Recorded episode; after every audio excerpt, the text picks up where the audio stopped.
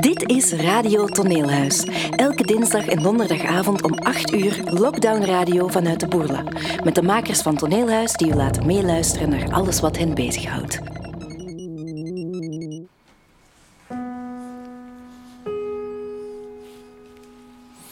Goedenavond, dames en heren. Bij de vierde aflevering al van de onvolprezen Radio Toneelhuis.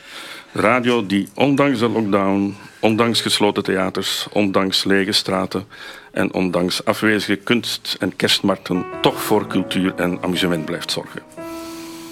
Als u de vorige uitzendingen hebt gevolgd en mijn stem niet herkent, schrik niet. Schakel niet over naar een ander programma, want u hebt gelijk. We hebben inderdaad onze vrienden van Olympique Dramatiek, die de vorige afleveringen verzorgden, voor een avondje wandelen gestuurd. Wat zuurstof kan nooit kwaad. En we hebben een plaats ingenomen. En wij, dat zijn Katelijne Dame, Willem de Wolf, Leonard Nolens, Guy Cassiers en uw gastheer Erwin Jans. Hallo. Hallo. Voordat ik vertel wat we van plan zijn, laat me u nog even zeggen dat we allemaal op veilige afstand van elkaar zitten, met mondmaskers en ontsmettingsgel in overvloed. En dat we zelfs het raam hebben opengezet. Dus voor eventuele politiesirenes, dronkenmansgewauwel en andere avondelijke geluiden zijn we niet verantwoordelijk. Ik ga het met mijn gast over twee toekomstige voorstellingen van Gika Siers hebben. De voorstelling April, gebaseerd op de gelijknamige tekst van Willem de Wolf. Een voorstelling die, fingers crossed, in april, hoe kan het ook anders, in première gaat. En de voorstelling Nolens, een voorstelling in samenwerking met Behouden Gebeer, eh, Begeerte, gebaseerd op de gedichten van een van Vlaanderens grootste dichters, Leonard Nolens. En die in het voorjaar 2022 in première gaat. Uit beide voorstellingen wordt een tekstfragment voorgelezen en voor April is dat zelfs een absolute primeur. Maar voordat we beginnen, even vragen toch. We kunnen het niet voldoende doen in deze sombere tijden.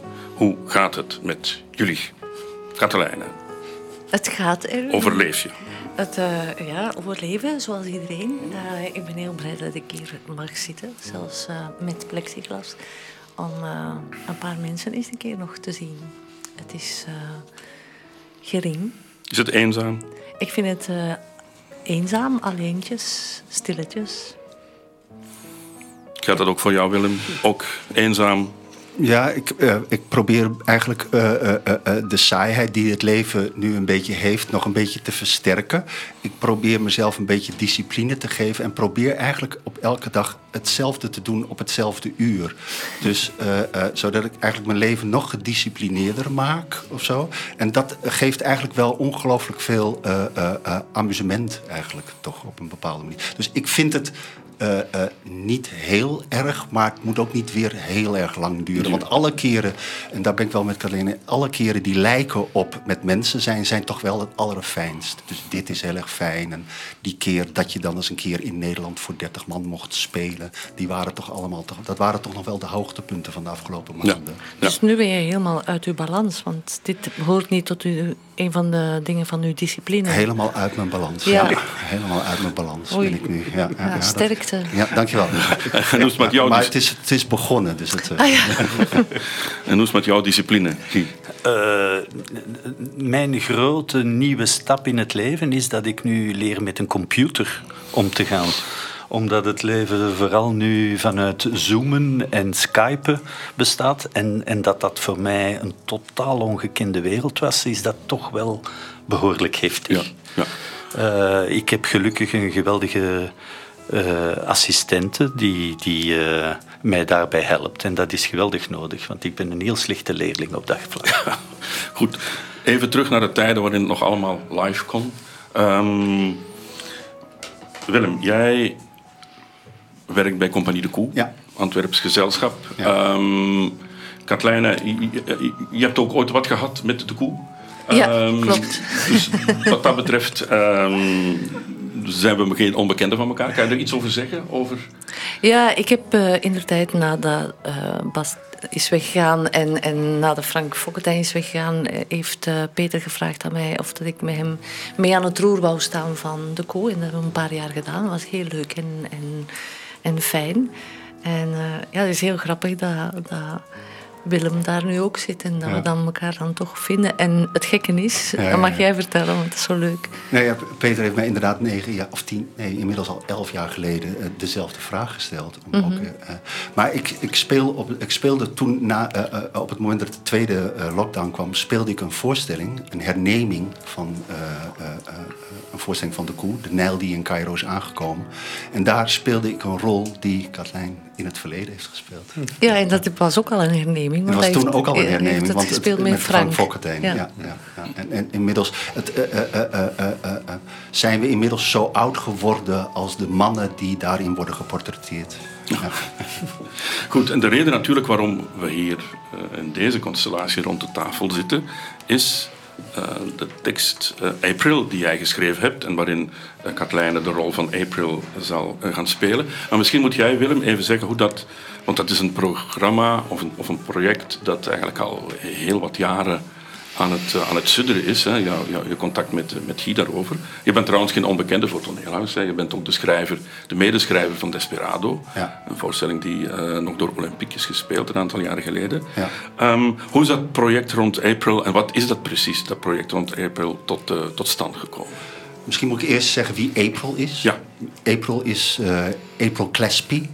April Clespie is een vrouwelijke beroepsdiplomate die, in, uh, uh, die ambassadeur was in Bagdad op het moment dat de Eerste Golfoorlog in 1991 uitbreekt. En April Clespie heeft voorafgaand aan die oorlog een onderhoud gehad met Saddam Hussein.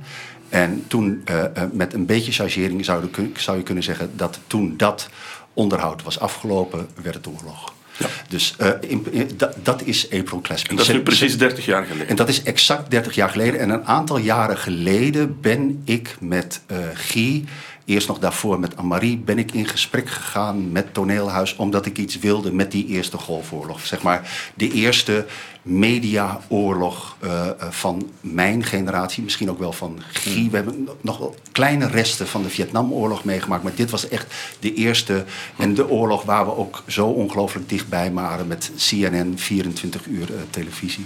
En toen ben ik met hem in ge gesprek geraakt met Guy en met Ambrie over of we in uh, uh, 2021, dus bij het 30 jaar bestaan, 30 jaar, uh, 30 jaar geleden is dat die oorlog heeft plaatsgevonden, of we daar iets mee zouden kunnen. En we hebben meerdere gesprekken gevoerd. We hebben ook, en, want ik wilde ook iets met de diplomatieke wereld, omdat er ten aanzien van die oorlog, behalve het gesprek wat April voerde, was er nog een ander belangrijk diplomatiek moment in die oorlog. Vlak voor die oorlog is er ook in Genève nog een gesprek geweest tussen Tariq Aziz, de op dat moment minister van Buitenlandse Zaken van Irak, en James Baker, de uh, Amerikaanse minister van Buitenlandse Zaken. En dat was een gesprek wat negen uur heeft geduurd. En waaraan, waar aan het eind de conclusies exact dezelfde waren als aan het begin. Dus Hmm. daar, daar hebben Guy en ik ook al over gesproken. Of we daar iets mee zouden kunnen. Over wat moet daar dan gebeurd zijn. Negen uur Hoe- praten om hoe- niks. ne- Ja. Negen uur praten en geen stap verder. Ja. Hoe, hoe doe je dat? Maar bij die research kwam ik op een gegeven moment... stuitte ik op April Clespie. En... eh, eh, eh, ehm, op een of andere manier ook omdat ik denk dat Guy ook graag nog iets met Katlijne wilde doen, werd Guy volgens mij alsmaar nieuwsgieriger naar die April Clespie. En ik eigenlijk ook. En eh, zeker ook wat dat, eh, eh, eh, eh, eh, ehm, wat dat gesprek moet zijn geweest, want we weten niet wat daar is gezegd. Ja. En dus de voorstelling, de tekst, de, de, de voorstelling is een zoektocht naar Wat een had er gezegd kunnen ja, zijn? het is, het, is een, het is een tekst, een voorstelling die gaat over een gesprek waar we niet bij waren. Ja. Dus wat betekent dat gesprekken waar je niet bij Ideaal bent? voor een schrijver in Ja, ja, geval. tuurlijk. Broer, ja, dus, en, eh, broer, er, zijn natuurlijk, er zijn wel dingen gebeurd met die gesprekken. Er is een transcriptie uitgebracht van het gesprek door de Irakese eh, eh, regering. Dat is zeer ongewoon in de diplomatieke wereld. Er worden geen transcripties vrijgegeven. Volgens de Amerikaanse regering is dat een vervalsing. Bedoel, het gaat er natuurlijk om, het gaat om een bepaald, maar daar komen we misschien straks Ja. over te spreken. Het gaat om een bepaalde zin die April wel of niet zou hebben gezegd in dat eh, gesprek. Maar ik, bedoel, ik, ik ben me vooral met, dat, eh, met die. Met die eh, voor, met die tekst bezig gaan houden met gesprekken waar we niet bij zijn. En dan toch ook over instituten. Want dat was ook de reden waarom ik het graag met Guy en met het toneelhuis wilde. Omdat ik het eigenlijk ook over instituten wilde hebben in dat stuk. En het leek me dan ook gewoon heel goed om dat in een instituut te, doen. Ja. ja. Uh, heb jij je al wat in de persoon van uh, April Gillespie uh, verdiept, Katlijne? We staan nog aan het begin van het proces, Ja. maar... Nee, ik, ik, heb gewoon eh, gekeken hoe ze eruit zag. Eh, Omdat we natuurlijk ook ehm, foto's gingen maken voor de affiche. En ik heb een beetje voor, van haar gelezen. Maar voor mij is het nog... ehm, ik heb nu de tekst eh één keer gelezen. Eh, dus voor mij zijn er heel veel prikkels nu. Ja. En eh, kan ik nog het, ehm, de bomen door het bos niet zien. Ik ben trouwens jarig, ook in april. Hey. Ja, ik ben ook een echte April. Ja. Want ja, zij, eh, April heet natuurlijk April omdat ze volgens mij ook ja, geboren is in april. Ja, zeker. En misschien ook even aan toevoegen dat eh, de muziek die we daarnet gehoord hebben, dat die, eh, dat, dat eh, Chris de Voort een bewerking gemaakt heeft van het nummer Sometimes It Snows in April van Ja. Prince. En ik ben heel blij dat, dat eh, Chris eh, de, voor de compositie gaat zorgen en dus mee betrokken wordt ook in dit project. Ja. Vermeld ik gewoon nog even voordat we een fragmentje gaan lezen dat ehm, die oorlog te maken had met het feit dat Irak Kuwait is binnengevallen. Ja, en dat eh, Irak. Eh, ja, daar gaat natuurlijk ook nog een zekere voorgeschiedenis eh, aan af. Eh, Irak had met Iran een tien of negen, eh, tien jaar Oorlog gevoerd, oorlog ja. gevoerd met Iran. En was daarin gesteund door de Amerikanen. eh, eh, is na die eh, oorlog enorm in de steek gelaten. Kwam in een enorme financiële crisis terecht. En, eh, heeft om, eh, eh, en heeft vervolgens ook Kuwait bezet om eh, eh, eh, beslag te kunnen leggen op deels op die olie. Ja. En, en, en, en het perspectief van de Amerikanen ten aanzien van Irak en eh, het feit of men in het, in het Midden-Oosten een oorlog wilde gaan voeren, is in de loop van de tijd eh, eh, veranderd. Hun perspectief daarop is veranderd. Op een gegeven moment werd het steeds aantrekkelijker om over een oorlog na te gaan denken. En daarin is, hebben ze April laten vallen. Ja. Die is daar het slachtoffer, die is geofferd. Geofferd geworden. Ja, ja, ja, ja, ja. ja. Goed, dat is dan nu het moment denk ik om een... Misschien moeten we nog zeggen dat... Wie- wie- wie wat doet? wat Ja, speelt ja, tuurlijk, en welke ja, acteurs. Sorry, Eh, er natuurlijk. drie, drie personages in het, in het stuk dat je geschreven hebt, Willem. Dat is eh, April natuurlijk. Dat is Tariq Aziz, de buitenlandminister, en een anchorman. Ja. Eh, we hebben al gezegd, je hebt al gezegd, het gaat over de media. Dus we hebben een anchorman die op zoek gaat naar de waarheid. Wat is er nu precies gezegd tussen die twee? Ja, dus, dus wat, eh, eh, wat de anker doet, is eigenlijk hetzelfde als wat wij gaan doen. Dus wat, wat, wat Guy gaat doen en wat ik heb gedaan en wat we met z'n allen gaan doen. De anker heeft het idee om een televisieprogramma te maken waarin hij eh, terugkijkt op, eh, eh, op die periode. En daarin, daarin heeft hij, net als dat hij dat 30 jaar geleden had, een manipulatieve kracht. Kijk, het, de me maar Erwin, ga, gaan we het eerst lezen en daarna nog verder over het Ja. stuk praten? Ja, ja, Of- tuurlijk, want tuurlijk. Ik vind het leuk om er van alles over te zeggen, maar misschien het stukje.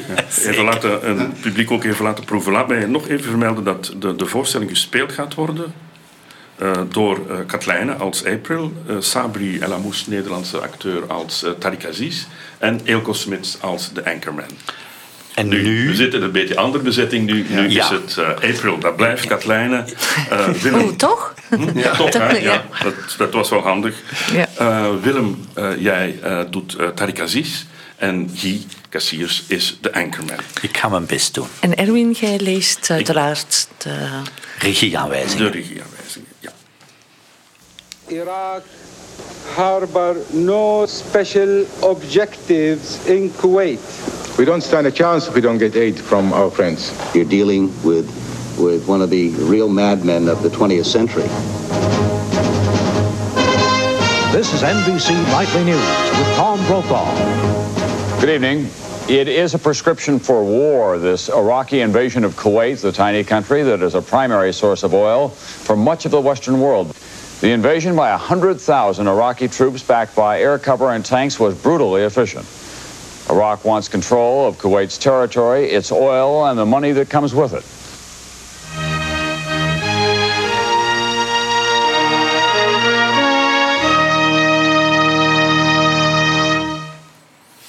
Scène 1. Ruis. Tijdens de scènes zien we geluidloze opnames van een door zwaailichten geëscorteerde autorit door de straten van nachtelijk Bagdad.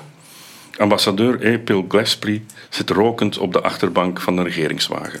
Ook de enker en Tariq Aziz zijn af en toe in de wagen te zien. Dit, dit wat u nu hoort, maar dan iets stiller. Stiller en langer. Ja, dit onafgebroken. Een onmetelijke uitgestrektheid van duisternis en stilte. Daarin bevinden we ons. En daarin bevindt zich ook de vroeging. Ja, in de stilte bevindt zich haar vroeging. Plotseling is het daar. Het geweten. Ja, zonder aankondiging, zonder inleiding. Parasiteert het mijn stiltes. Ik, ik hoor trouwens dingen. Uh, ruitenwissers, hoor ik nu ruitenwissers? Het zijn vaak ruitenwissers. Wordt u er uh, onrustig van? Nee, nee, ik wil alleen maar zeggen dat de stilte haar aanspraken niet waar maakt. Ze is niet stil, je hoort ruis. Ze is inderdaad misleidend. Ze is inderdaad niet helemaal stil.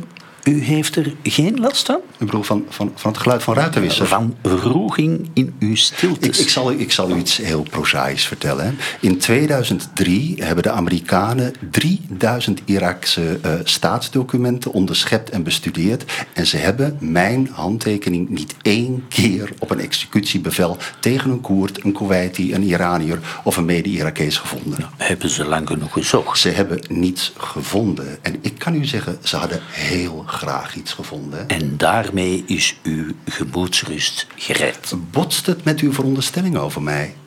Wilt u het over mij hebben? We zijn hier niet voor mijn ongemakken, toch? Maar voor de haren. U weet wat zijn naam betekent? Tariq Aziz. Nobel pad. Dat wist u niet. U spreekt geen Arabisch. Een, een, reportage over ons, over haar, over de Eerste Golfoorlog en geen woord Arabisch? Dat is de naam die hij zichzelf heeft gegeven. Van geboorte heet ik Michael Johanna. Tariq Aziz is een schuilnaam. Ik zou het een verzetsnaam noemen. Of eigenlijk een, een, een, dagelijkse aanmoediging.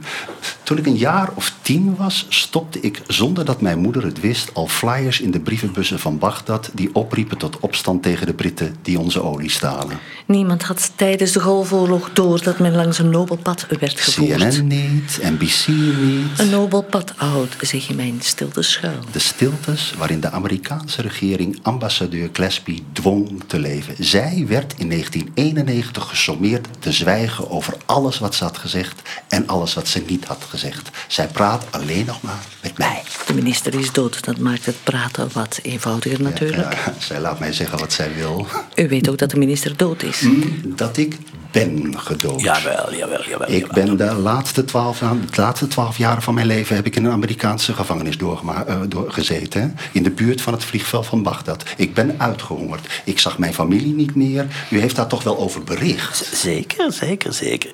Nu hoor ik niet alleen iets, ik zie ook iets. Licht? zwaailichten? Het zijn bijna altijd zwaailichten. Of telefoons, of ruitenwissers. Wat, wat ziet u precies?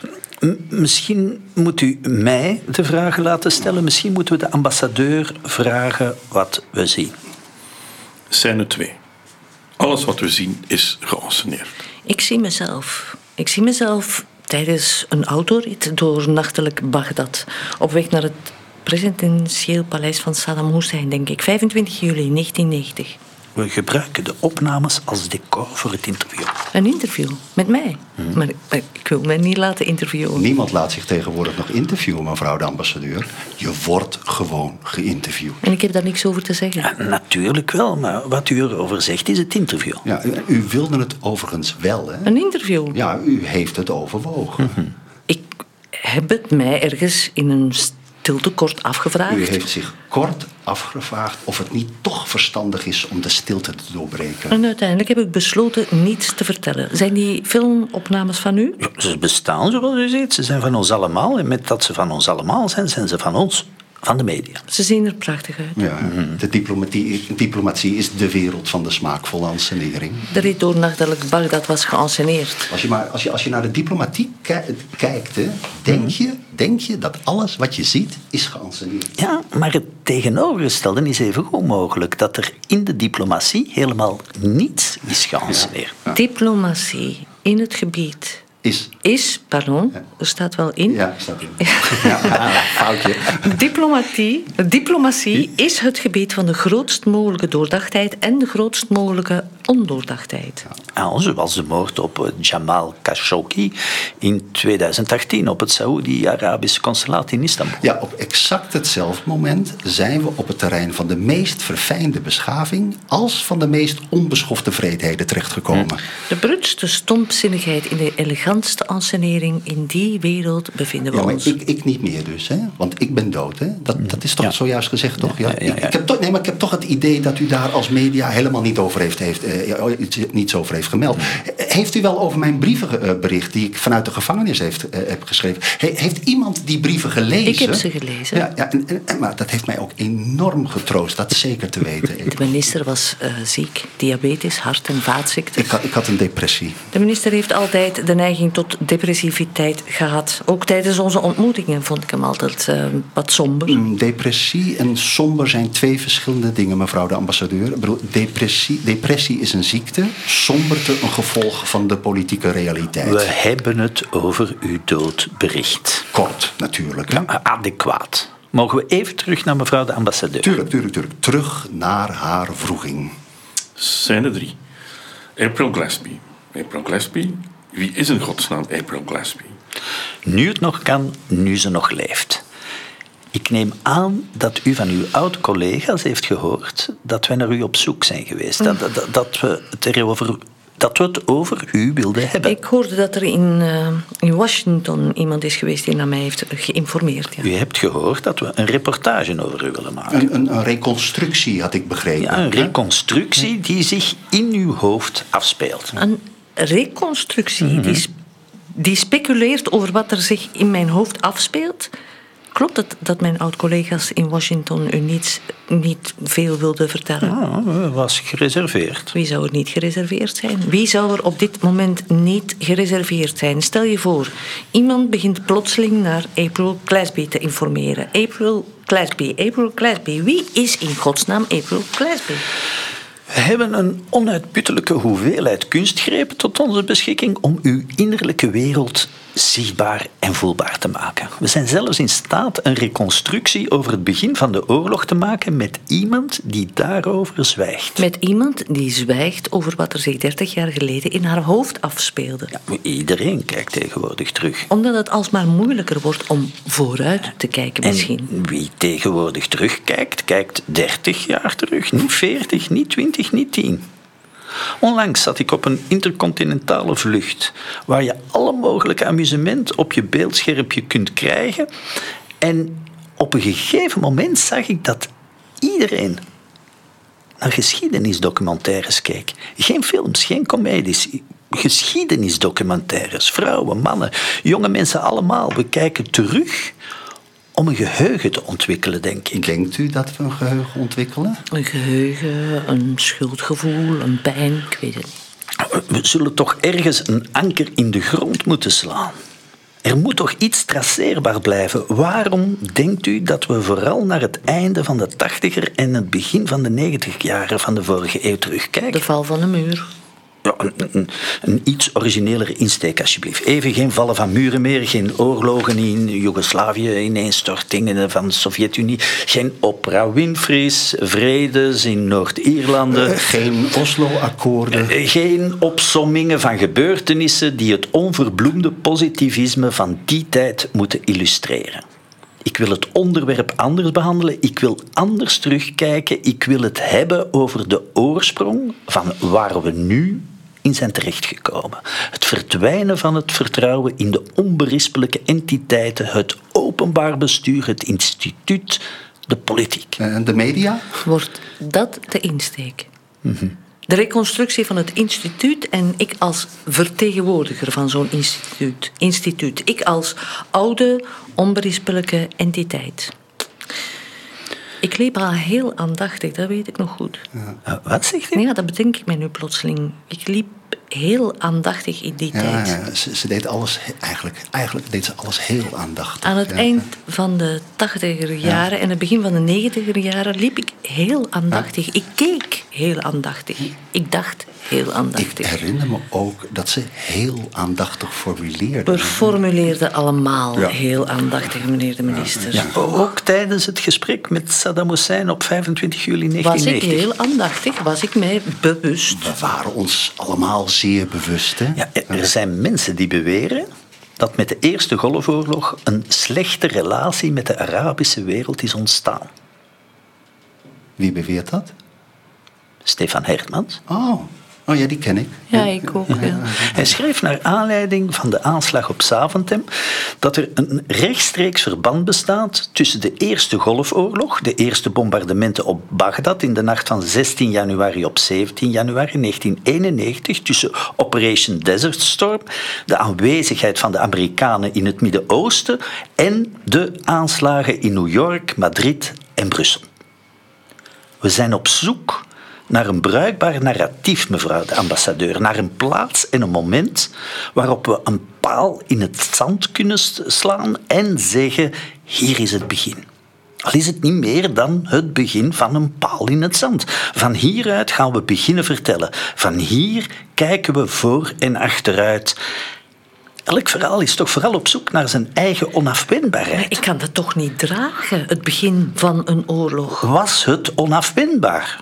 Was de oorlog Ik onafwendbaar? weet waar u naartoe wilt. U wilt naar mijn schuld. Ja, kijk, de, de slechte verhoudingen tussen het Westen en het Midden-Oosten zijn natuurlijk met de oprichting van de staat Israël ontstaan. hè? Of later. Later? Ja, de slechte verhoudingen tussen het Westen en het Midden-Oosten zijn na de oprichting van de staat Israël Met de eerste ontstaan. blijken van onze emancipatie natuurlijk. Met, met de crisis om het, Su- eh, eh, over het Suezkanaal. Met Nasser. Ik bedoel, de invloed van Nasser mag natuurlijk nooit worden onderschat. Hè? Of, of eerder? Ja, natuurlijk. Ook altijd Ja, eerder. de Eerste Wereldoorlog, een van het Ottomaanse Rijk in Of Versailles. nog eerder, nog veel eerder. Of later? De, de bloedbaden in Sabra en Shatila. De kruistochten. Ja, het schrijven van de Bijbel. Ik wil mijn anonimiteit behouden. Ja, maar het gaat hen juist om onze anonimiteit, mevrouw de ambassadeur. Zij zijn op zoek naar ons, de pionnen van de geschiedenis, de figuratie. Het gaat hen juist om onze onbekendheid. Die daarmee dus wordt opgeheven. Het moet een ode aan de toewijding worden. De plichtsgetrouwheid, de medewerkers en de, de medewerking. De, de diplomaten, de ambtenaren, de loyaliteit. Daar willen we het over hebben. Ja, uw insteek is politiek. Een ode aan de eenvoud, aan het begrip taak, het begrip plicht, juist nu. Juist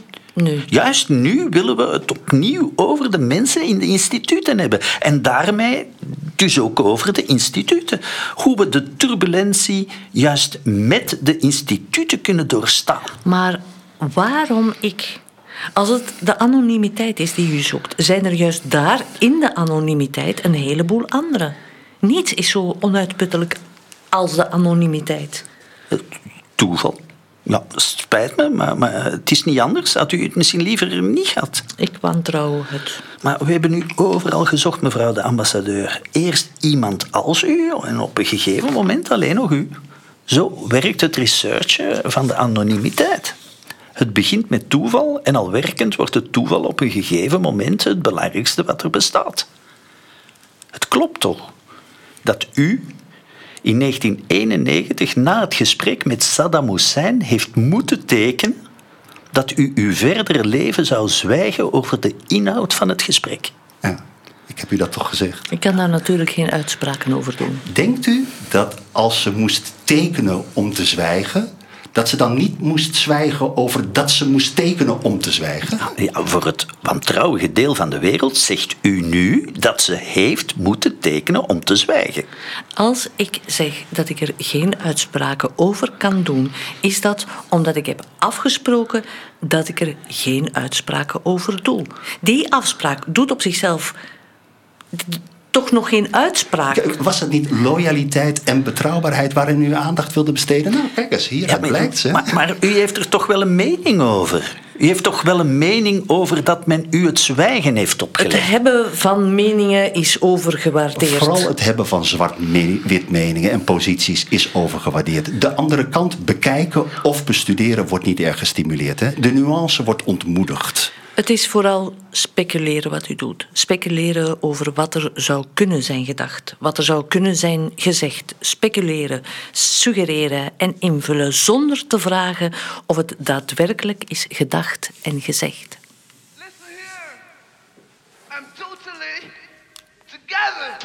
Listen.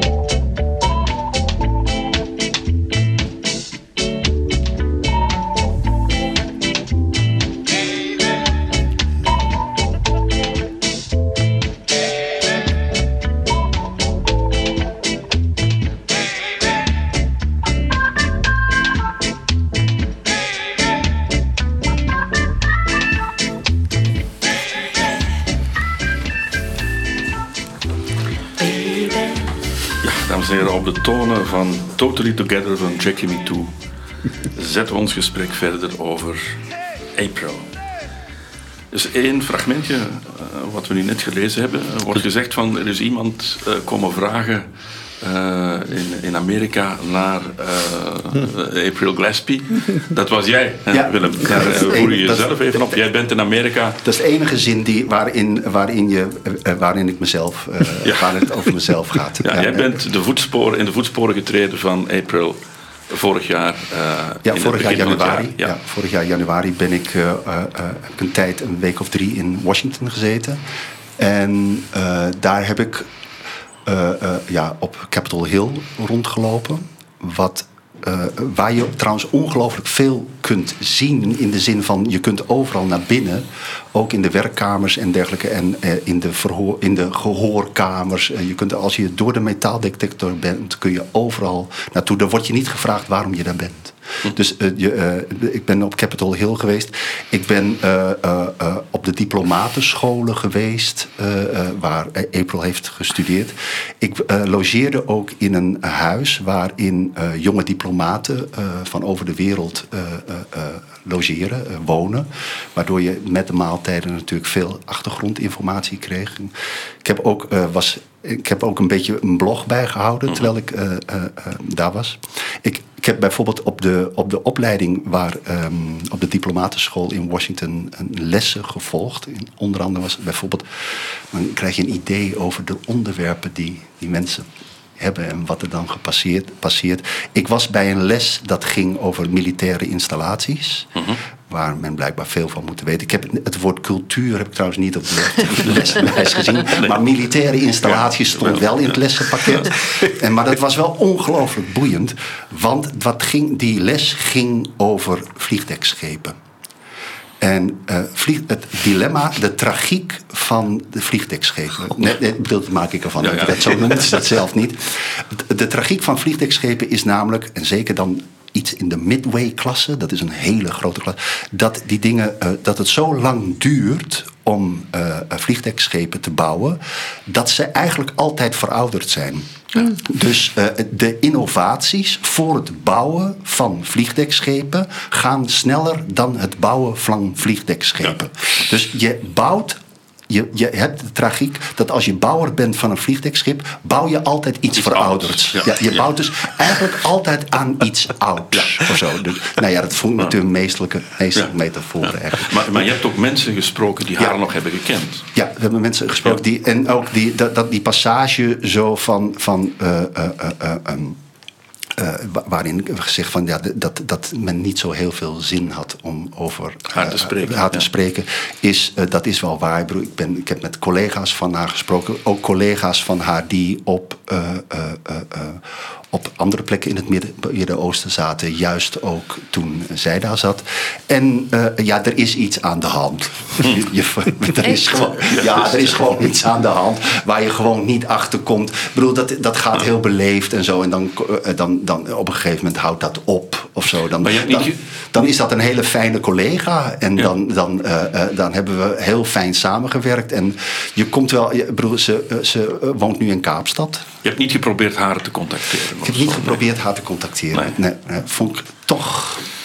Ik, ik, ik, ze weet wel van dat er een toneelstuk is. Ja, ik heb gehoord van een vriendin van haar dat ze eh, gehoord heeft dat, er, eh, dat, dat ik ermee bezig ben. Dus wat er gepasseerd is, zo van. van eh, maar misschien moeten, Oh, we, het- misschien moeten we het doen. Misschien moeten we toch eens kijken van. we- misschien moeten we haar uitnodigen. Ik weet nog, Bruce is inmiddels heel oud. Maar. Ja. Het was ook wel een, een, een bijzonder moment dat je daar was. We hebben het nu over instituten, maar dat moment had er ook heel veel mee te maken. Want het was het moment dat Trump werd. Eh, Ja, dus oh, het was het moment dat, eh, en dat is dan in Washington, is dat met schermen. Het wonderlijke aan Washington is toch dat het eh, ook, je, denkt van het is allemaal politiek daar en dat is het ook of zo. Eh, eh, op dat moment werd de Oekraïense ambassadeur werd geïnterviewd. de vrouwelijke ambassadeur van Oekraïne. En dat wordt dan ook gewoon in grote schermen voor het station. Krijg je dat ook allemaal, wordt dat gewoon allemaal gecoverd. Alles wordt gecoverd. Dus het was inderdaad op dat moment een heel erg spannend moment. Ja. Ik heb ook, ben er, want eh, eh, April Gillespie is ook na eh, haar periode als ambassadeur. Ze is ook in die, vlak voor die oorlog is ze door James Baker is ze ook uit haar functie gezet. Ze hadden haar ook niet meer nodig. Ze is opgeofferd. En eh, ehm, wat wou ik nou zeggen? Ehm, ik wou iets zeggen over wat er daarna met haar gebeurd is. Ik ben het vergeten. Maar- Ze heeft alleszins de geschiedenisboeken niet gehaald. Nee, nee, nee. nee. Ik bedoel, ze, is, ze is absoluut in de anonimiteit eh, terechtgekomen. En, eh, eh, eh, de, ja, de bedoel- waar jij haar natuurlijk nu wel even uithaalt. Ja, hè. ja, dat is, ja, ja, ja. Maar dat vind, ik, dat vind ik juist ook zeer boeiend aan, aan April. En, en, en, en wat, ik ook, wat ik ook belangrijk vind aan. wa- wa- waarom ik. Wat me interesseerde aan het bestuderen van, van, van het geheel is. ehm, dat je in de wereld terechtkomt eh, dat een, wat een enorme vormvastheid heeft. Broer, broer, broer. Het, het, is, het, is, het is een zeer. Grote formaliteit. Ja, een grote, ja. maar ook alles is. Het, het is eigenlijk bijna zo een beetje als wat ik nu een beetje volg als je het kijkt naar de Crown of zo. Begrijp je? Dat je zeggen. Ja, ja, dat, je Ja. denkt, dat je denkt van, van wat is de inhoud van die Crown? Ja, dat is, dat is eh, staatshoofd zijn in, in een, eh, eh, in een, een constitutionele monarchie of zo. Eh, op basis van erf erfrecht of zo. Maar, en de rest is vorm. Bro- En, en ook April's we- wereld is natuurlijk eh, enorme eh, vormvastheid. En daarom leek het me ook zo leuk om dat gewoon ook in, in, in, in, een- in een groter theaterinstituut te doen of zo. Omdat, je, omdat het natuurlijk een reflex... Ik had, gisteren hadden we al even met Katelijn een gesprek over April en het stuk en zo. En dan, dat je voelt meteen de reflex van... maar April moet een kant hebben waarin ze uit die vormvastheid wil breken of zo. En het leek me nou zo leuk om, of interessant om te zoeken dat dat niet zo is. Bedoel, misschien wil ze het wel, maar boven alles regeert het feit dat de vorm moet worden vastgehouden. Dat het instituut moet worden gehandhaafd. En, en, en dus dat, dat, dat, dat, dat, er, dat er niet uitgebroken kan worden, omdat dat daarmee de, de, de, de, de vormvastheid kwetsbaar maakt. Nu, Maar, eh, sorry. Ja, nee, zeg maar, Carlijn. nee, maar, eh, we gaan er niet heel uitgebreid over hebben, maar ik wou er even een kleine referentie maken naar bijvoorbeeld toen ik Eichmann speelde in De Welwillende. Het was allemaal in strak uniform. En toen zei ik tegen Tim van Steenbergen, die de kostuums deed, ik wil onder dat kostuum wil ik een, een, een eh fluo-roze string dragen. Gewoon. Ja, ja. En, eh, nu, dat, dat zit niet echt makkelijk, zeker niet in zo'n kostuum. Maar ik heb het wel altijd in de zak van mijn eh, kostuum gestoken. En zoiets had ik dan in gedachten. Vooral dat- als, je, dat- als je foto's van haar ziet, is ze nogal grijs en... en Ja, ze, ja, ze is, ze is, ze is Saai. zeer. Ze is, ze is, ja, maar ook. En er is natuurlijk. Er is, de, bedoel, er is een. In, in, in wat ik gelezen heb daarover, over, over, over dat onderhoud, het, het gesprek, dus Mhm. eh, is er een wonderlijk moment wat eh, is eh, gedocumenteerd. Het gesprek zou twee uur hebben geduurd. Maar bij dat gesprek is Saddam Hussein slechts anderhalf uur geweest. Dus het, het, in het, bij het gesprek eh, was dus eh, eh, April, Saddam Hussein en Tariq Aziz. En tolken. Over die tolken kunnen we misschien straks ook nog iets zeggen. Want er is natuurlijk iets met taal. Maar, goed. maar, dus, maar Saddam Hussein is een half uur weg geweest. En over dat half uur is niets bekend. Niks. Maar in, daar weten we echt niets. Ik bedoel, en dus dat is natuurlijk koor op de molen. Want dan is zij alleen met Tariq Aziz. En de tolken. En, nee, de tolken zijn weggestuurd. Ook de tolken, want zij sprak Arabisch. hè. Ja, Zij sprak eh, goed Arabisch. eh, April die eh, sprak feilloos, spreekt feilloos Arabisch. En eh, het onderhoud, dat weten we ook, het onderhoud is in de moedertalen geweest. Dus het Mhm. gesprek tussen Saddam Hussein en eh, April Gillespie is in de moedertalen geweest. Dus April sprak Engels. En Saddam Hussein sprak Arabisch. Maar April kan de vertaling van de tolk begrijpen en andersom niet. Dus daar zit, daar zit ook nog iets waar. waar eh, eh, eh, eh, maar ja, ze zijn dus een half uur met z'n tweeën geweest. Ja. Nu, die, die, die, die, wat je suggereert van, wat Katlijn ook zegt, ja, er moet zo'n beetje een kantje aan zitten of zo. Eh, dat is wel een beetje aan het einde van het stuk wel. Hè. Dus het soort van, de, het groeit naar een soort van intimiteit tussen die twee. Ja. waar we natuurlijk niks van weten, maar wat jij daar als schrijver hebt, eh, hebt ingelegd. En Dus, waar, eh, waar ook een probleem mee is, omdat eh, eh, eh, ehm, ze, er, ontstaat over een er staat een gesprek over de behoefte om een gewoon gesprek te voeren. En dat lukt ze niet. Eh, er, er, er, ze, er, de vorm blijkt zo stevig dat er geen idee is over wat dat andere is. Zo, daar heb ik hem proberen. Wat een naar buiten valt. Wat Ja. naar buiten valt. Maar Ja. ze, zoeken, ze zoeken het wel en ze, ze proberen het. Ik bedoel, ze, ze proberen een compliment werkelijk als een compliment te incasseren en, Mhm. en te geven. En tegelijkertijd voel je ook dat, ze daar, dat dat heel moeilijk voor ze is. Mhm. En, en ja, er ontstaat wel iets. Zo, En, maar ze corrigeren, ze corrigeren zichzelf ook steeds. Ja, diplomatie is natuurlijk, je zei het al, dat heeft veel met taal te maken, met het gebruik van de juiste woorden. Ja. Ehm, ja, Guy, je wilt er nog Nee, in, in de voorstelling is er natuurlijk ook het oog van de ankerman. Ja, absoluut. Ja, die moeten we alles niet volgt. vergeten. Ja, ja. Die, die, waar je ook kan van twijfelen, is het omdat hij er is Ja. dat men dat zegt of dat men die actie onderneemt. Eh, Ja, de, de, de, dat is natuurlijk ook zo wonderlijk aan die oorlog. Dat, bedoel, het was de eerste mediaoorlog. Die, eh, en en de, de media heeft natuurlijk de beelden. En, en we, we weten ook niet. In die, het was ook de eerste oorlog waarin, dat herinner ik me nog heel goed, beelden eindeloos werden herhaald. Kun je het nog herinneren? Bedoel, Er was nog weinig Ja, content. CNN begon toen, hè? CNN begon nog. En ze hadden, 24 ze, ze, ze hadden eigenlijk geen materiaal. Ze hadden geen 24 uur materiaal. Er waren ook gewoon geen, geen kleine iPhones waarmee je filmpjes kon maken. Dus de filmpjes die je hadden, werden eindeloos herhaald. En dat moet een, dat moet een enorme impact hebben gehad op de perceptie van ons op die oorlog. De voortdurende herhaling van bepaalde Want er, beelden. er, er mochten toen ook geen journalisten mee. Hè? Men Nee. had een beetje een, een, een, een kater natuurlijk van wat er in de Vietnamoorlog was gebeurd. Ja, en- De embedded journalists zijn pas meegegaan in de Tweede Golfoorlog. Ja, en, en de- de- dat embedded dom ontstond al een beetje in de Eerste Golfoorlog. Maar CNN wist zich daar nog een beetje eh, eh, eh, eh, aan te onttrekken. Daar kwamen dan natuurlijk ook de, de iconische opnames van, van de nacht van volgens mij 16 op 17 januari. Ik weet nog heel goed dat ik De groene- televisie... de groene beelden. De, groene nachtbeelden van eh, The Skies Over Baghdad Have Been Illuminated. Met, met Peter Arnett bovenop het... Een, ik weet niet meer de naam van het hotel, maar bovenop een hotel waar CNN een eigen satelliet had. hè. Dat Ja. was het. Ja. Weten jullie nog waar jullie waren? Dat wordt vaak gevraagd over 9-11. En Ja. dat ligt misschien meer voor de hand, want dat was natuurlijk zo'n schok. Terwijl dit was een beetje de chroniek van een aangekondigde oorlog. Dat heeft maanden geduurd. Eh, Maar weten jullie nog waar jullie waren? Het moment dat dan de eerste bommen vielen op, eh, op Bagdad? Ik weet toen, toen eh, er gezegd werd eh de eerste schoten zijn gevallen, eh, zat ik in de paliter.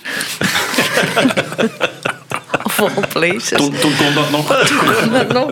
En ehm, ja, dat, dat, dat, dat deed heel veel met de Mm, mensen. mm. Dat, dat was...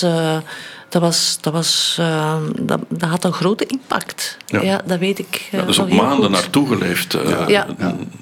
Maar zo het horen van de eerste schoten zijn gevallen was, was eh, best eh, indrukwekkend, maar dan op een, een paniekerige, Ja. negatieve manier. In de Paliter, Willem, jij, waar, was jij? Weet je Nee, in nog? Paliter was ik niet natuurlijk, want ik woonde nog niet. Dat is een café hier. Ja. Ja. ja. Eh, eh, eh, eh, ehm, ik was... eh, eh, ik was bij, bij, wij hadden bezoek. Ik was toen met mijn, mijn toenmalige vriendin hadden bezoek en daar was een Amerikaan bij. En die, Ja. vond, die vond het werkelijk abominabel. Ja. Verschrikkelijk. Ja. Ja, bij mij, ik weet niet exact waar ik mij mee begaf, maar dat was wel het begin van mijn relatie met, eh, met, met de echtgenote waar ik nog altijd mee samen ben, die Amerikaanse is. Dus dat was, dat, dat was ook heel schizofreen en ambigu op dat moment. Zo, eh, ja, hoe ga je daarmee om? Je leert iemand, een Amerikaanse, kennen. Eh, en, en net op dat moment ja, kom je in zo'n conflict In terecht. een oorlog terecht. Ja, dat is heel absurd. Ja. Goed, we gaan natuurlijk niet alles zeggen wat er in het stuk... Nee, eh, ik, ik wou nog e- eventjes refereren, als het mag, eh, over het instituut. Want eh, het gaat over, over het... Allee, je, je hebt het over eh, zeg maar de, de stabiliteit en, en, en, en het loggen van het orgaan. Maar als ik nu terugkijk naar de laatste verkiezingen in Amerika, Ja, ja, daar, daar heb je... Allee, ik denk dat we daar heel blij mogen zijn dat er instituten waren. Om, om- waardoor één iemand klaarblijkelijk toch niet zijn zin kon doen eh, Nee, nee. over zo'n heel continent. Nee, nee, maar ik, ik, ik, ik, eh, eh, eh, ik hoop niet dat ik de indruk heb gewekt dat ik met het stuk de eh, instituten. Nee, nee, nee, nee. In tegendeel. Ik, bedoel, ik moet ook zeggen dat, dat bij het schrijven ik ook gemerkt heb dat ik. eh, eh, eh, ehm, dat er ook gewoon een persoonlijke fascinatie voor me in zit. In de zin van, er is gewoon een deel niet-kunstenaar in mij. Er is gewoon een deel ordehandhaver in mij. Dat voel ik. Ik, bedoel, ik voel gewoon ook dat ik een fascinatie heb voor orde. Ik herinner me nog heel goed dat ik, dat ik eh, eh, sprookjes als kind eh, het liefst gewoon altijd in stand wilde houden. Terwijl ik natuurlijk ook heel goed mensen ken die als kind zich nog herinneren dat ze altijd voor de bad guy waren of zo. Ik heb dat niet. Dus, dus er, zat ook wel een persoonlijke. dus ik heb dat wel willen onderzoeken ook. Wat dat is dan, die reflex van. Een voorstelling is pas een goede voorstelling als er een hoek af is of zo. Of, ik bedoel, dus dat het dat altijd moet zijn. Zo. Dus, dus ik, eh, eh, bedoel, ik vind een van de mooiste dingen die, die, die April op een gegeven moment. En of ze nou liegt of niet, dat moeten we zien hoe Katlijn dat gaat spelen of zo. Maar ze zegt op een gegeven moment wel: Ik ben dit. Ik ben dit. En dat, dat, dat je denkt van, dat kan niet. Je moet ook iets anders zijn. Misschien dat ze ook iets anders is. Maar je hebt iemand die toch zegt van, ja, maar ik ben dit. Dat vind ik toch wel heel erg boeiend. Ja. Dat is iets wat we gewoon niet veel kennen. Goed, eh, de rest dat gaan we zien binnen een paar maanden wanneer de voorstelling eh, er is. Ik zei al aan het begin, eh, dit programma ging niet alleen over April, maar ook over de, de andere voorstelling die pas binnen een jaar wordt gemaakt, gebaseerd op eh, gedichten van eh, Leonard Nolens. En we hebben gevraagd aan Leonard of hij een paar gedichten leest. Dat zijn liefdesgedichten geworden. Eh, bitter, zoete liefdesgedichten, misschien wat we nodig hebben in deze tijd. En we gaan daar nu naar luisteren. En de intro, daar gaat u een stukje muziek horen, eh, horen beter gezegd, dat is van eh Kurtak. En na de eh, gedichten van, eh, van Leonard eh, hoort u een fragment van Def Center.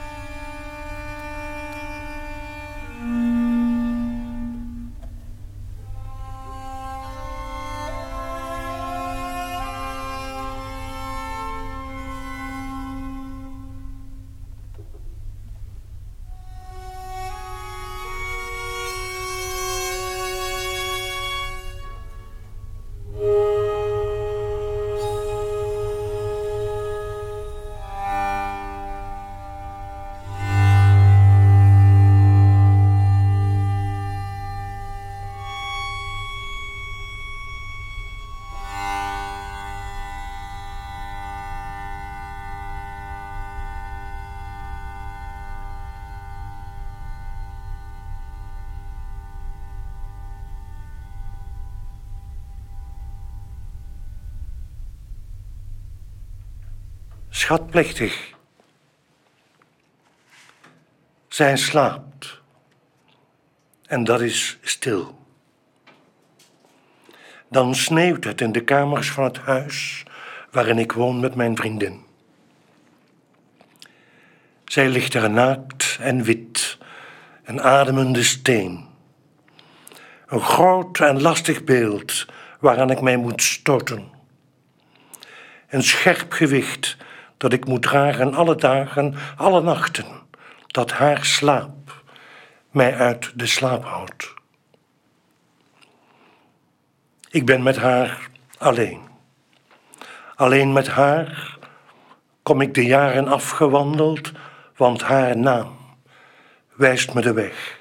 En in haar blik zie ik mijn blinde tijd weerspiegeld. Zij ligt daar en wit, een ademende steen, waaraan ik heel mijn bot bestaan geslepen heb en slijp, ook als ik slaap en roepend van haar droom.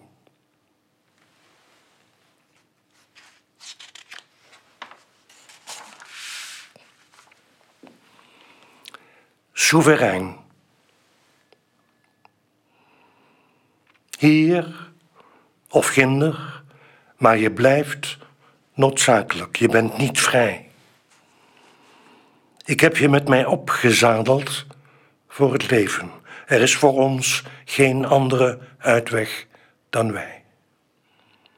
Kijk, daar is het enige pad. In de goot, in de wolken of onder de grond.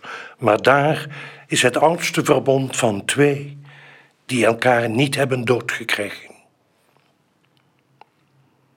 Ja, ik was liever alleen en sereen, soeverein.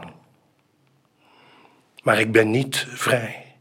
Ik blijf je noodzaak, blijf je prul, je God, je vod.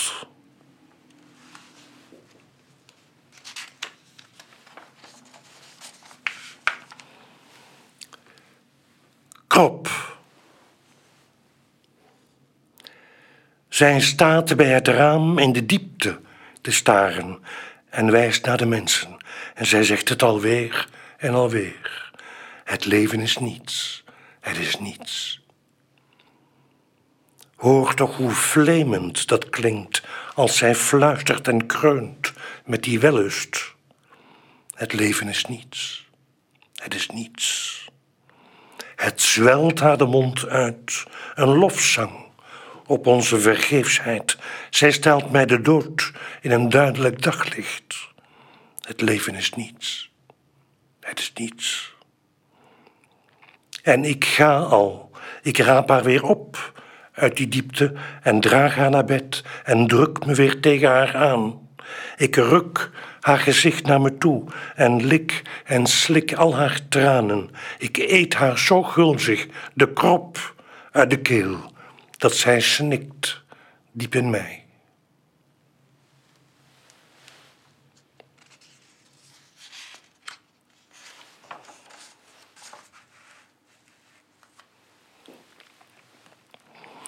Alice. Geslapen, lang en diep in het zwart.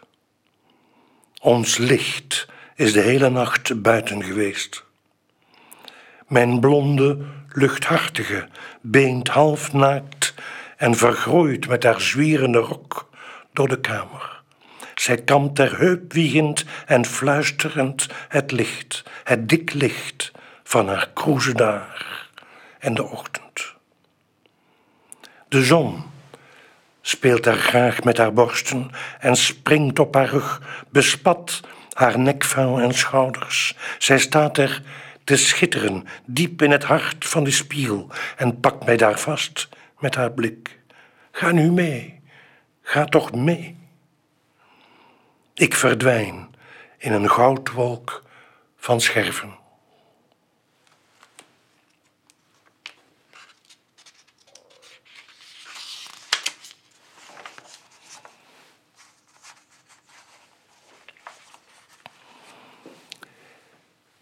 Schrik. Het is zo broos, het is zo hachelijk je dicht bij mij te hebben. Je leeft zo hier en plots, je leeft zo nu en helemaal. Tegen mij aan, met de sneeuw van je gezicht, de bloedvlek van je mond en je geslacht. Met heel je warme zwaarte leun je op mijn leven, met de kijkende pijn van je verledens en klaarte, het koude, elektrische blauw van je blik, zo hachelijk broos.